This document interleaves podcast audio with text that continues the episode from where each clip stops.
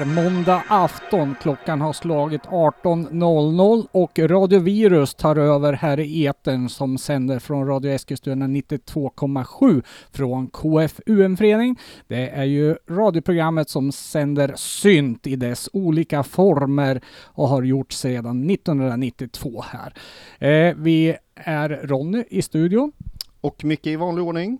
Och som vi lovade förra veckan så har vi faktiskt lite gäster med oss. Vi har Mr Lönnkrog, hejsan! Hej hej! Och vi har eh, syster Elektra här också. Ja, hallå hallå! Och Stefan, du är ju något av en seriefigur här nere numera kan man väl säga. Ja, tack för den. Ja, absolut. hur, ser du, hur ser du dig själv? Som Långben eller Kalle Anka eller Lille Fridolf? Ja, det ser ut som Lille Fridolf, beter mig som de två andra. Ja, okej. Okay. Ja, Mr Lundkrog, eh, du heter vad då normalt sett? Jag heter Micke Lundgren. Lundgren. Lund. Lundgren, det där blir tricky för mig. Har ju, Lundgren. Ja, just det. Vi har en gammal medarbetare på radion här som heter Micke Lundgren. Ja. ja vi nöjer oss med Micke då kanske, det blir lättare. Det funkar alldeles utmärkt. Ja, eh, berätta lite snabbt vad Lundkrog är för någonting. Eh, Lundkrog är eh, mitt lilla do it yourself soloprojekt som jag kickade igång eh, här efter årsskiftet. Ja, så det är ett väldigt färskt band egentligen? Ja, det är superfärskt. Jag bestämde mig egentligen strax efter, ja, strax efter nyår där någon gång att jag, nej, jag ska bygga ordning en hemmastudio och eh, förverkliga lite eh, drömmar jag hade kring ett projekt. Så, så gjorde jag det. Ja, berätta om drömmarna. Ja, men det var ju så här. Jag är ju eh, man är ju en uh, musikalisk egentligen kanske allätare, men mina rötter är ju i synten. Ja, har... jag såg det stod syntjävel på en knapp på din jacka. Ja, just det. Ja, den, eh, den fick jag när jag köpte de här Thomas Zacharias Wahlberg fanzinen för, ah, ja, ja. för några år sedan. Då skickade han med den faktiskt. så jag fick det. den därifrån. Så det var, och den bär du med stolthet? Den bär jag med stolthet vid vissa, eh, vissa tillfällen. Så, Nej, men så att, eh, det handlar väl egentligen om att eh, knyta tillbaka till det. Jag gör ju musik annars också. Eh, just med Stefan här som sitter med sitt soloprojekt Sister Elektra. Vi har ju ett gemensamt band som heter Brotherhood annars. Ja, eh, snabb info om Brotherhood. Det är något eh, goterockar, deprock-projekt. Precis, vi har hållit på sedan egentligen sedan 2007 med det och mm. släppt några plattor och ett gäng singlar och eh, Tolver och några tolver och det rullar ju på och vi är aktuella, vi ska ut med en ny skiva i, i höst också. Men mm. eh, det är ju någonting som vi gör tillsammans i en ganska avancerad studio och så vidare. Mm. Lundkrog skulle vara precis raka motsatsen egentligen. Att så här, det ska vara enkelt, jag ska kunna ha kontroll över allting och gör, kunna göra allting själv. Så mm. liksom, det bygger på att man man skriver, man spelar in, man mixar, man mastrar, man gör omslag, man ja. gör videos och, liksom, och, och, kunna göra allt det där själv. Det var liksom lite grann drömmen att så här, ingen annan ska få vara här och pilla. Ja, det är precis som du säger, do it yourself. Då. Mm. Ner, ända ner i, i sin essens. Ja, så var det ju ganska mycket också när vi var Uh, när vi var unga, nu måste man nästan avslöja hur gammal man är. Vi Nej, gör inte, Nej, det gör inte. inte. Nej, men när vi började göra musik, alltså i mitten av 80-talet. Oh, där satt den! Där satt den. ja. då, eh, då, då, då, då, då, var ju liksom den rörelsen, även om du gjorde syntmusik på den tiden, så mm. var vi ju formade av punken. Och punken var ju do it yourself. Ja. Det fanns ingen som serverade dig en färdig studio eller en lösning på hur du skulle hitta finansiering för att kunna förverkliga dina drömmar, utan det fick du göra själv. Mm. Och det där har ju liksom följt med en genom hela livet. Precis. Eh, Lundkrog, rent musikaliskt, vart hamnar det då? Är det med rötter i 80-talet eller har du en modernare touch på det, skulle du säga? Ja, jag skulle nog säga att jag ska försöka ha en modernare touch, men det spelar liksom ingen roll vad jag gör, för på något sätt ändå så, så landar jag där någonstans. Att jag tror man, man hör liksom 80-talet eh, i det på något sätt. Jag vet mm. inte, men jag försöker naturligtvis ha en, en, modern touch till, eh, till hur jag ser på hur jag vill att det ska låta idag. Mm, mm. Okej, vi, vi, skulle lyssna på Ingenting sa du här och då höjde jag lite på ögonbrynet, men det var alltså en låt som hette så? Ingen. Ingen, okej. Okay. då kommer den.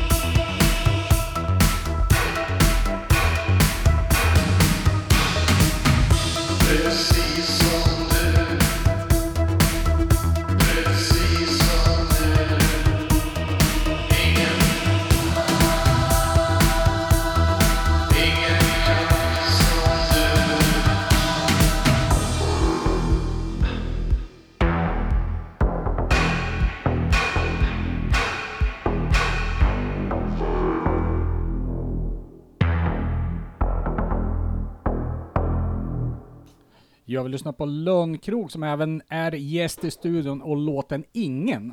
Så var det. Eh, bandnamnet här, Lönnkrog, det låter, får man ju tänka på medeltid och något rövarband liksom så här. Vad, hur, hur kommer det sig att du kallar det för Lönnkrog? Ja, det är ju precis det, rövare på medeltiden. Nej, eh, det är ju så att eh, en gång i tiden så, um, nu, är det preskriberat så det kan man ju prata om nu, men Ja. vi var ju med, och, både jag och Stefan faktiskt, och, och drev en, eh, en legendarisk svartklubb här i Eskilstuna en gång i tiden som hette- Max 500 kilo. ja, just det. Det var inte vi som drog igång den, men vi var högst del, delaktiga i att, den- att den levde så många år som den gjorde. Mm. Och då är det ju så när man, när man är ung och, och är med och driver svartklubb, då är det lätt att man får ett öknamn. Och mitt har ju varit Lundkrog i ganska många år. då. Så att eh, nu har jag äntligen hittat hem till namnet eh, ja, på det- gamla dagar liksom. Ja, just det. Det är så. Ja, det anspelar väl lite på ditt efternamn också kanske. Ja, exakt. Ja, ja, det var inte så konstigt. Ja. Eh, Klubb 500, ja det är väl något av en le- legendarisk plats här i Eskilstuna. Jag är aldrig själv där någon gång, men man har ju hört talas om det många gånger. Men det stod, eh, var det mycket band och så som spelade där också? Eller var det mera öl och vin, kvinnor och sång typ, eller?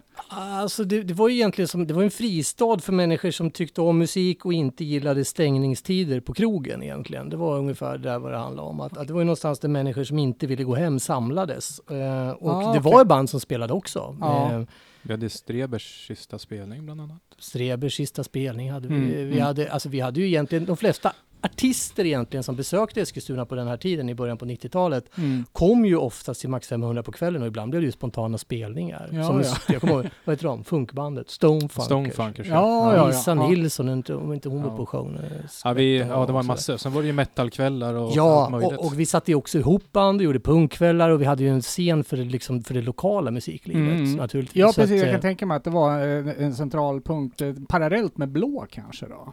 Ja, Blå kom efter faktiskt. Var det så? Ja, Aha. vi, vi, vi startade ju Blå rummet 1994 och Maxim 100 var mellan 90 och 93. Ah, så det var liksom pre-blå rummet lite grann? Mm. precis. Ja, spännande. Det var, var ett sätt att le le legitimisera verksamheten på något sätt. Ja, Då hoppade jag av. Då var det inget roligt. Men legalt. Nej, nej, det var så jävla sellout. ja, spännande historia. Bara en snabb grej. Jag har hört talas om att det håller på att dokumenteras på, på något sätt det här. eh, Är ni inblandade i det på något sätt?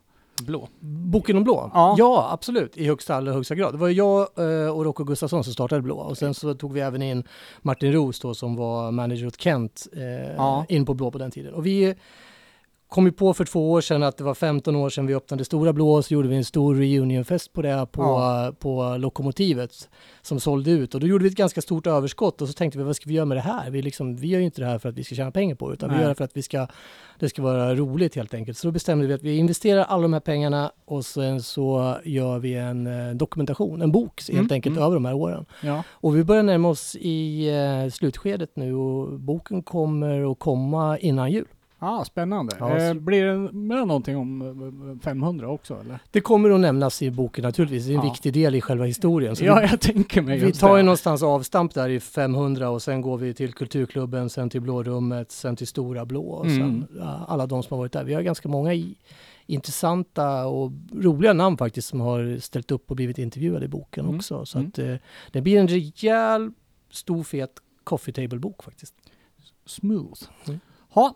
Stefan då, du eh, har ju varit här några gånger tidigare. Vi gjorde till och med en liten eh, pre-release här eh, för, inför albumet när vi släppte Sister Electas supporter-singeln för Radio Virus. Där. Vi tack, stort tack Ja, att vi varsågod, fick eh, varsågod. använda din låt här. Då drog vi in några smort. drog in några kronor här till våra utgifter helt enkelt. Men nu är albumet ute alltså. Jajamän. Berätta lite om albumprocessen här nu, för du har använt en hel del sångare till exempel.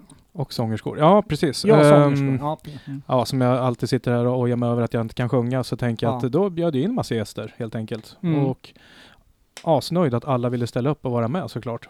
ja. Och sen när jag varit här så har vi även hunnit med live och allt möjligt. Ja, just det. Du spelar i Göteborg. Var, Ja, på... Vad det nu heter? Ja. ja, var, Sticky Fingers. Var det Mm. releasefesten för den här uh, samlings... Samlings... Ja, precis. Vad hette den? Det kommer jag inte ihåg. Åh, Next det- Generation någonting va? New Brat Pack. Brett Back, The Ja. New Generation. Ja, precis. Ja, just det. Eh, det ska vi ta och uppmärksamma lite senare här i höst tänkte jag. Mm. Ehm, hur ser eh, jag då som är skivköpare, hur ser Mm. planerna ut? För det är ju ute digitalt eh, Ja. nu va? Bara just nu. Mm. Och vi håller på och överlägger, eller jag, jag är inte schizofren än, men eh, överlägger med skivbolaget då om att det blir ju minst CD i alla fall, som Mm. det ser ut nu. Mm. Och när de hör det här har de ingen val. Nej, precis. Då Nej. har vi liksom tagit upp beställningar. här Ja, nästan. precis. Ja. Den är slutsåld kan man säga. I alla fall jag vill ha en. ja, precis. Ja. Nej men eh, som sagt, det var jätteroligt att kunna få med så många olika personer som faktiskt har gjort så mycket bra tidigare och gör Mm. fortfarande. Så Mm. det är ju... Det är aktuella artister som har eget musicerande och lutar sig tillbaks på uh, samtliga fall. Ja, eller? precis. Mm. Ska vi ta namedroppa lite grann här? Nu sitter Ja. det lite på pottan här, för nu Ja. får du inte glömma någon. Då Nej, blir det precis. lite pinsamt. Ja, det är jag. Woo! Ett Ja. rätt. Och sen är det Peter Bjergö med, Arkana Sofia. Vi var Just ju det. här för något sväng sen också. Ja, precis. Sen är det Luna Joyce som är med. mm. Eh, sen är det Louise Macchione förstås. Mm. Ehm, sen har vi Ariel Andersson från Octolab. Yes. Och sen har vi Frida som var med. Ja, det är samma låt då som vi släppte på. Ja, Ja, just det. Singeln Från här. Flammentans va? precis. Mm. Eller Tickle Me och he- hela Jag faderutten. med också. Ja. Och sen så är det Helm också som jag har samarbetat med. Mm. Mm. Fan om jag glömde någon nu. ja. Men vi stannar där. Jag hade någon till på tungan, men den glömde jag precis nu när vi stod och pratade. Så här. Eh, urvalet av artister att samarbeta med, hur, hur eh, har du tänkt där? Eh, spännande röster och som kommer göra ett bra liveframträdande. Tänkte jag. Ja, för du satsar på att kunna spela live här i framtiden också. Ja, vi funderar ju på att dra ihop alla och köra en konsert minst i alla fall. Ja, Så jag kollar på konsertarrangören här för Eskilstuna och hoppas på få ögonkontakt mitt emot mig här. jaha, okej, en liten gliring där, okej. ja, men det är ju ett spännande projekt eh, Yes. faktiskt. Nej men det är jätteroligt och att, att det funkade så bra faktiskt. Mm. Att få ihop alltihopa. Ja, precis. Luna Joyce då, det eh, samarbete vi ska ta och lyssna på nu. Mm. Eh, Det är samma som är på Romo Nights skivan också. Ja, precis. Ja. En helt fantastiskt bra låt tycker jag. Ja, tack. Eh, du måste berätta här, för det är ju om jag förstått din dotter. Ja, det är min dotter. Precis. Ja, Ja. och hur går det att jobba inom familjen då? Ja, för oftast bra är det ju såklart. Ja. Hon är ju jätte, jätteduktig. Men sen är det ju fader och dotter som ska samarbeta. Det är ju Ja, en process bara det. ja. skär det sig kreativt eller? Nej, inte kreativt. Bara Nej. på, på många andra plan. nej, då, nej, men det går jättebra. Och som sagt, jag producerar ju hennes sologrejer också. Så att vi jobbar ju ihop. Ja, just det. Du, det var en liten rolig historia runt texten på den här också tycker jag. Ja, Ja, ja. nej, men jag sjöng in den själv först och hade henne i åtanke när jag skrev texten. Och sen så så klarade jag inte av att sjunga den tyckte jag själv. Jag tyckte det lät för jävligt. Så Ja. då frågade jag henne. Och så sjöng hon in den utan att veta om att det hade henne som inspiration. Så, ja, okej. Ja, vad heter den? Eh, The Quiet Room.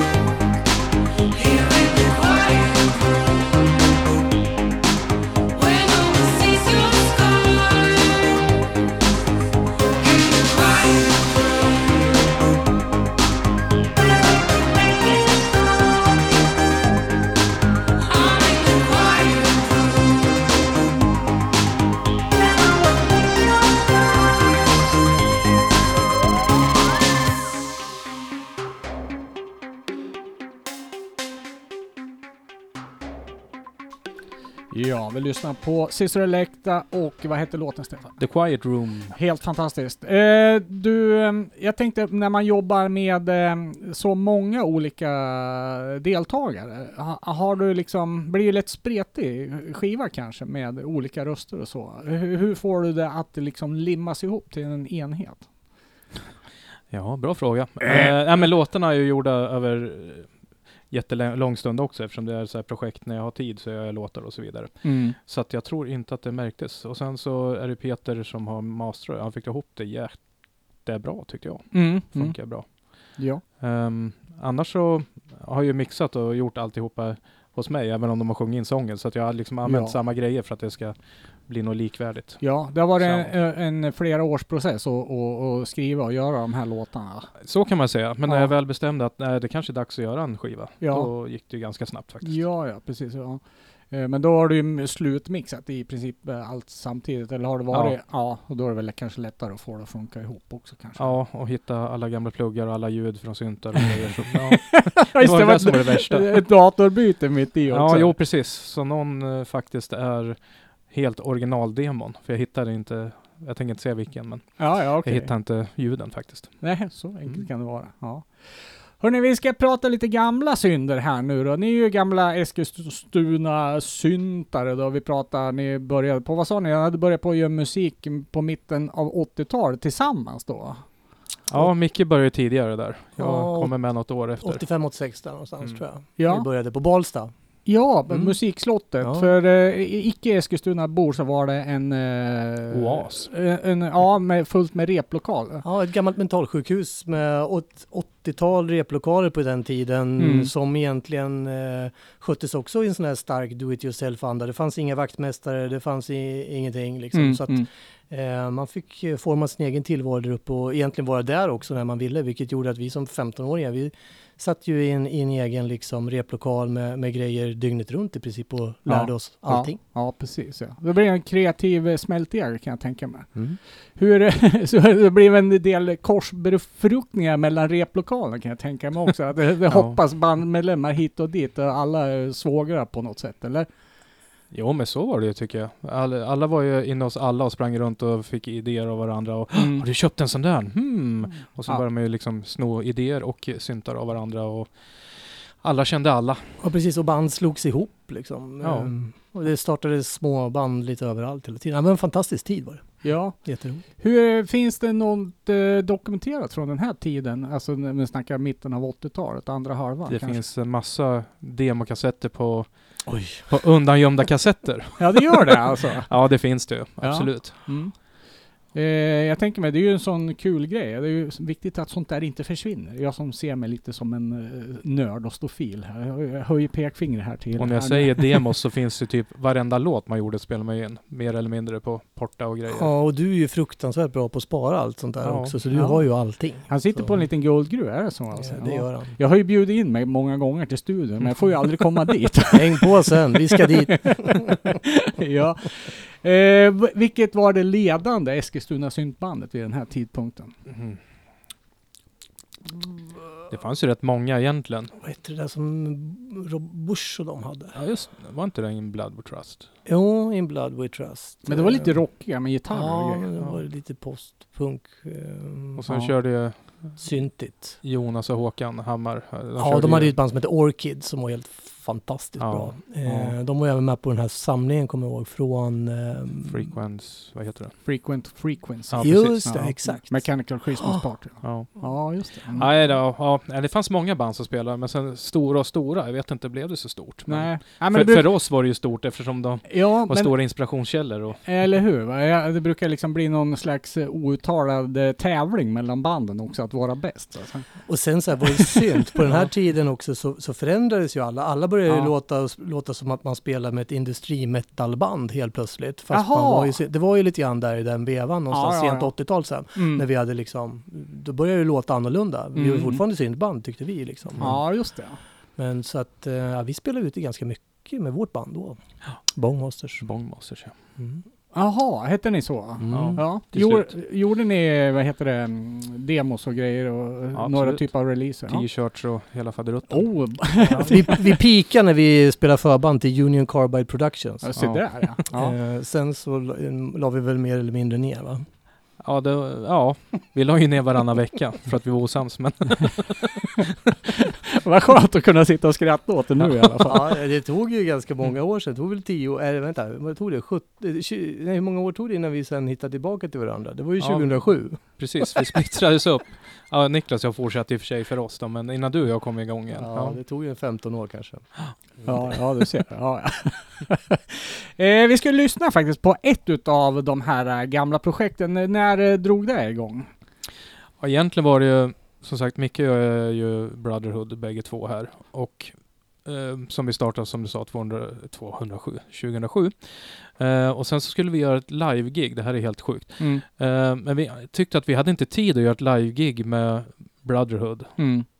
Så vi startade ett nytt band, skrev nya låtar, satte ihop en helt ny orkester live och sen körde vi Mercy Inc. Men, Okej. Vilket då borde, med facit i hand, varför gjorde vi så? För det blev ju dubbelt så mycket jobb, men Ja. så blev det. Så vi körde lite live och ville tillbaka till rötterna med Revolt and Cox och det är lite Johnny Cash, det är lite allt möjligt i det där faktiskt.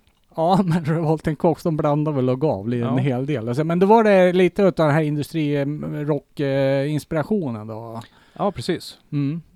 Och monotont, inga hämningar, tror jag. Ja. Vad blev det förutom ett par gigs utav det här då?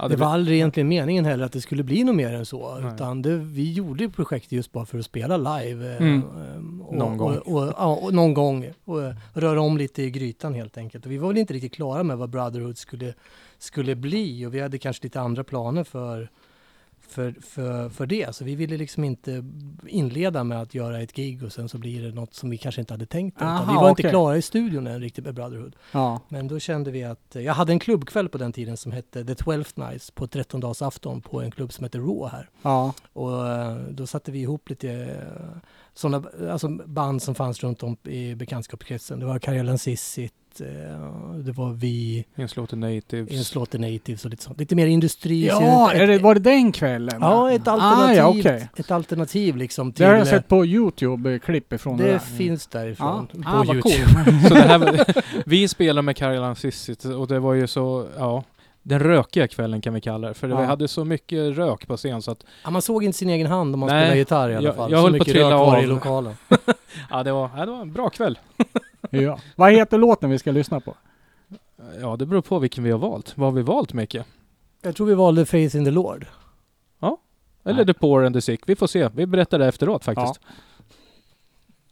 That was a UFO beaming back at you. Me and Eric Heisman was down in Mexico two weeks ago. We seen 40 of them flying in formation. They, they, they, they've got bases all over the world now, you know.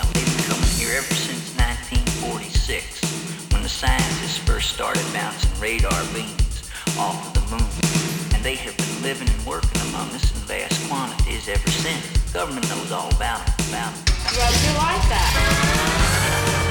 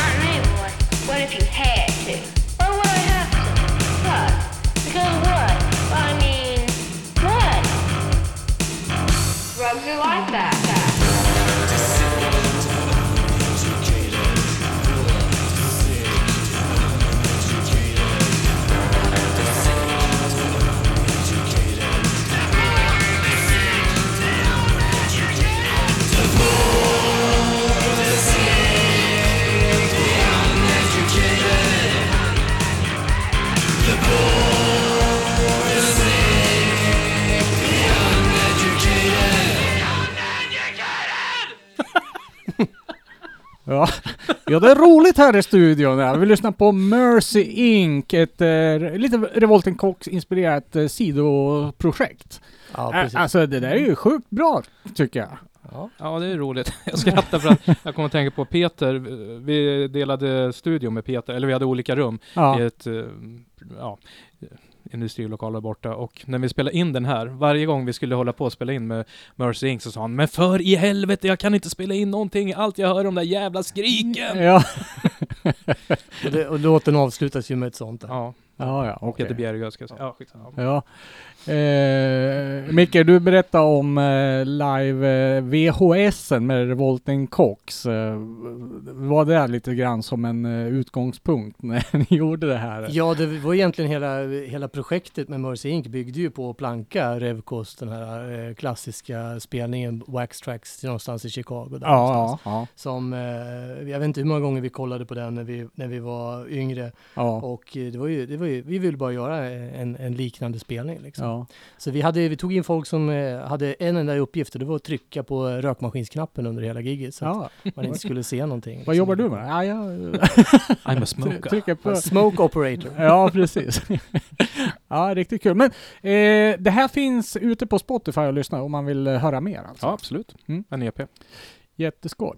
Hörru du Micke, vi ska fortsätta prata om Lundkrog och eh, nu är vi ju lite inne på gamla och grejer och inspiration och sådana saker. Och du sa mm, tidigt, eh, mitten på 80-talet, ramla in i, i synten där. Vad var det för något i synten som drog då?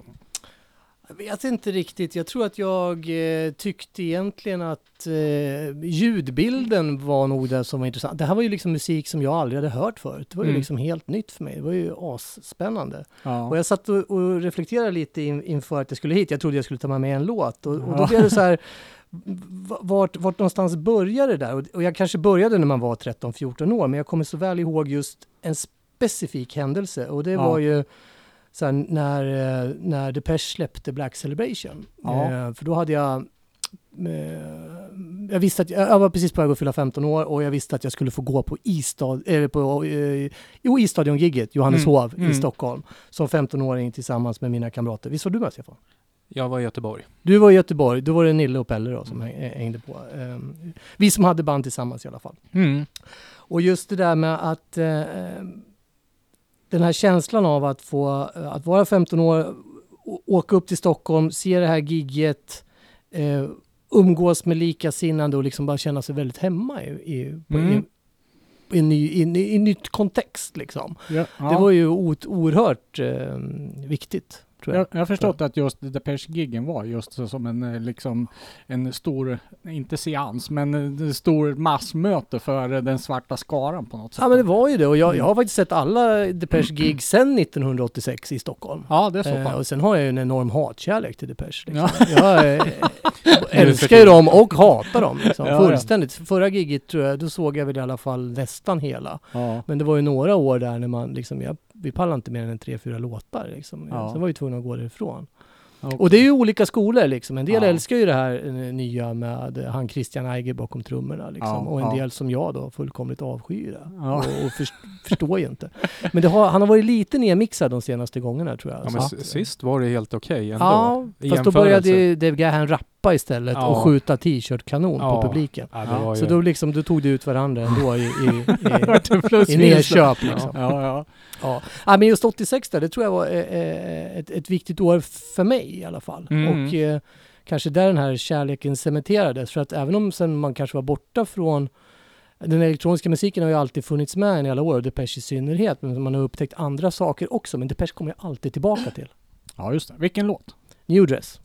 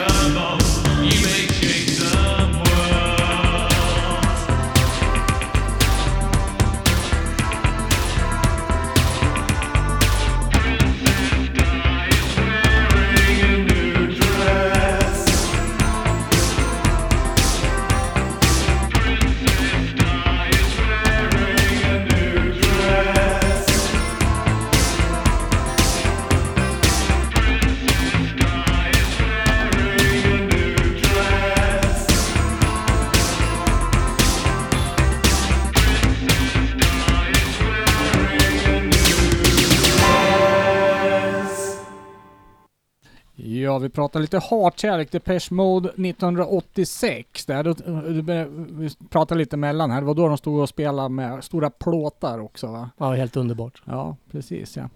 Eh, nu fick jag ju reda på, du har ju alltså jobbat eh, som professionell i musikbranschen, inte bara som s- svartkrogs eh, tjoflöjt här och, och, och hobbymusiker. Berätta lite om det. Det var ju jäkligt spännande. Ja, eh. Jag har nog... det är Stefan som har sin telefon igång. Så här, varför gick den? Eh, Jag bara stäng av här skriker jag till alla, så nu är jag själv. Står och pekar på Micke att han ska dra ner. Nu är det du som har din telefon igång. Det är, är klassiskt. det. Oproffsigt av er. Ja, Eh, oh, nej, gud, här var det live-radio. Ja, Ja. så kan det gå till. Ja. Ja, det är bra. Det är Ja. härligt. Nej, jag har ju eh, faktiskt aldrig gjort något annat egentligen än att jobba professionellt med musik och underhållning. ja, det är Eh, så fortfarande alltså? Ja, det är så fortfarande. Aha, Eh, okej. Ja, jag känner ju inte dig, så Nej. det är ny information för Ja, mig. precis. Nej, men det, det var, vi pratade ju om eh, just det här med eh, hur, eh, ens influenser och Ja, hur man ja. påverkades som ung och så här. Och, och jag var ju ett väldigt stort fan av Ratata. Ja. Ehm, eh, jag, gillade just att de sjöng på, på svenska och tilltalade mig, speciellt då den första skivan. Mm. Och den lever med mig fortfarande än idag. Men, eh, och så var det ju, och då var jag i 15-årsåldern kanske där. Ja, och de har Ja. spelat någon gång på tidigt 80-tal här i Eskilstuna Ja, också. de spelade ju dels på ett ställe som heter Royal på eh, tidigt 80-tal, men sen Ja. så gjorde de ju även den här Rock runt riket-turnén då. Ja, Sen Ledin och Det var mycket senare. Ja, Ja, ja, ja. Eva, Ja. Nej, nej, nej, det Eva var- Dahlgren och Ja, ja, Orup och sådär. Ja, nej, det var någonting Nej, det var något helt annat. Ja. Men, men eh, eh, det som kanske är, eh, som, som var väldigt roligt för mig var ju att jag sen i vuxen ålder när jag började eh, jobba med musik så blev jag headhuntad till Mauro Scocco och Johan Ekelunds skivbolag i Stockholm som hette Diesel Music. Så jag jobbade där i sju år sedan. Ja, ja, det var där de gav ut sina egna skivor sen och, eh, efter några år. Va? Precis, ja, eh, exakt. Mauro gav ut sina soloskivor där och Ja. Ratata hade ju slutat eh, finnas. Men egentligen, de startade ett eget- skivbolag tack vare sin succé med Lisa Nilsson. Ja, okej. Eh, och sen så blev ju det två etiketter. Det blev ju både Diesel Music och sen en underetikett som hette Superstudio då, där vi kunde släppa lite mer experimentella och roliga saker. Jaha. Mm. Eh, så att eh, jag jobbade där i sju år och Mm. det var ju helt fantastiskt att få också liksom jobba med sina gamla idoler i Ja. vuxen ålder på något sätt. Ja, ja, och lära känna Johan och, och Mauro på det sättet. Ja, Ja, en härlig tid var det faktiskt. Ja, det förstår jag. Jag har faktiskt intervjuat Mauro en Ja. gång. Eh, det, var spännande att berätta om uh, inspelningen. De använde en MS-20 som de var tvungna att spela in tre gånger för att få ett ackord och sådana där saker. Exakt. Eh, Ja. Det är spännande. Jag har faktiskt fått besöka, Johan Ekelund är ju eh, förmodligen kanske Europas största samlare av eh, gamla syntar. Ja, Och ja. han har ju allt kvar. Ja det är så. Eh, så jag har ju faktiskt besökt eh, ju- just den lagerlokalen där allting står. Mm. Han har en, en kille som mer eller mindre bara jobbar med att serva de här grejerna hela tiden för eftervärlden. Men det är ju helt fantastiskt att se vilka grejer som finns. liksom. Ja, ja. Eh, Det är nästan ett museum då. Ja, det är, det är det faktiskt. Det är, han kommer säkert att starta ett museum nu när jag tänker efter. Ja, precis. Vad gör du? Du jobbar i musikbranschen fortfarande. Vad gör du nu Han då? jobbar ju inte i musikbranschen. Nu jobbar jag utifrån att det ska vara roligt eh, i Eskilstuna. Så jag jobbar ju på det kommunala bolaget som heter Destination Eskilstuna som Mhm. evenemangschef. Ah, ja, Och okej. jobbar både med kultur och idrott. Då. Mm. Eh, så att eh, det kan vara att se till att det genomförs en musikfestival i Eskilstuna eller Mm. det kan vara att ta hit ett friidrotts-SM eller någonting annat. Ja, Men det. det är fortfarande inom så att säga eh, den branschen. ja, jag förstår. Det Mm. är arrangör på något sätt. Men ungefär någonstans där när, när, när så här, Napster tog död på skivbranschen i början på 2000-talet. Det var ju då Mm. jag valde också att flytta tillbaka till Eskilstuna och Mm. liksom kanske lägga mer fokus på de klubbar och verksamheter vi drev här. Vi eh, hade ju även artistmanagement och drev en nattklubb som hette Blå då, som vi var inne lite. Ja, just det. Och då var det egentligen då som jag och Stefan tog tillbaka att vi skulle börja göra musik igen. Mm. Och um, Så jag tycker det är ganska bra att Napster kom så vi fick igång Brotherhood. ja, underbart. Tack Napster. ja, precis. Eh, vi tar väl och passar på att lyssna på Ratata. Du har valt en eh, favoritlåt här nu. Ja, det är ögon och vis. Jag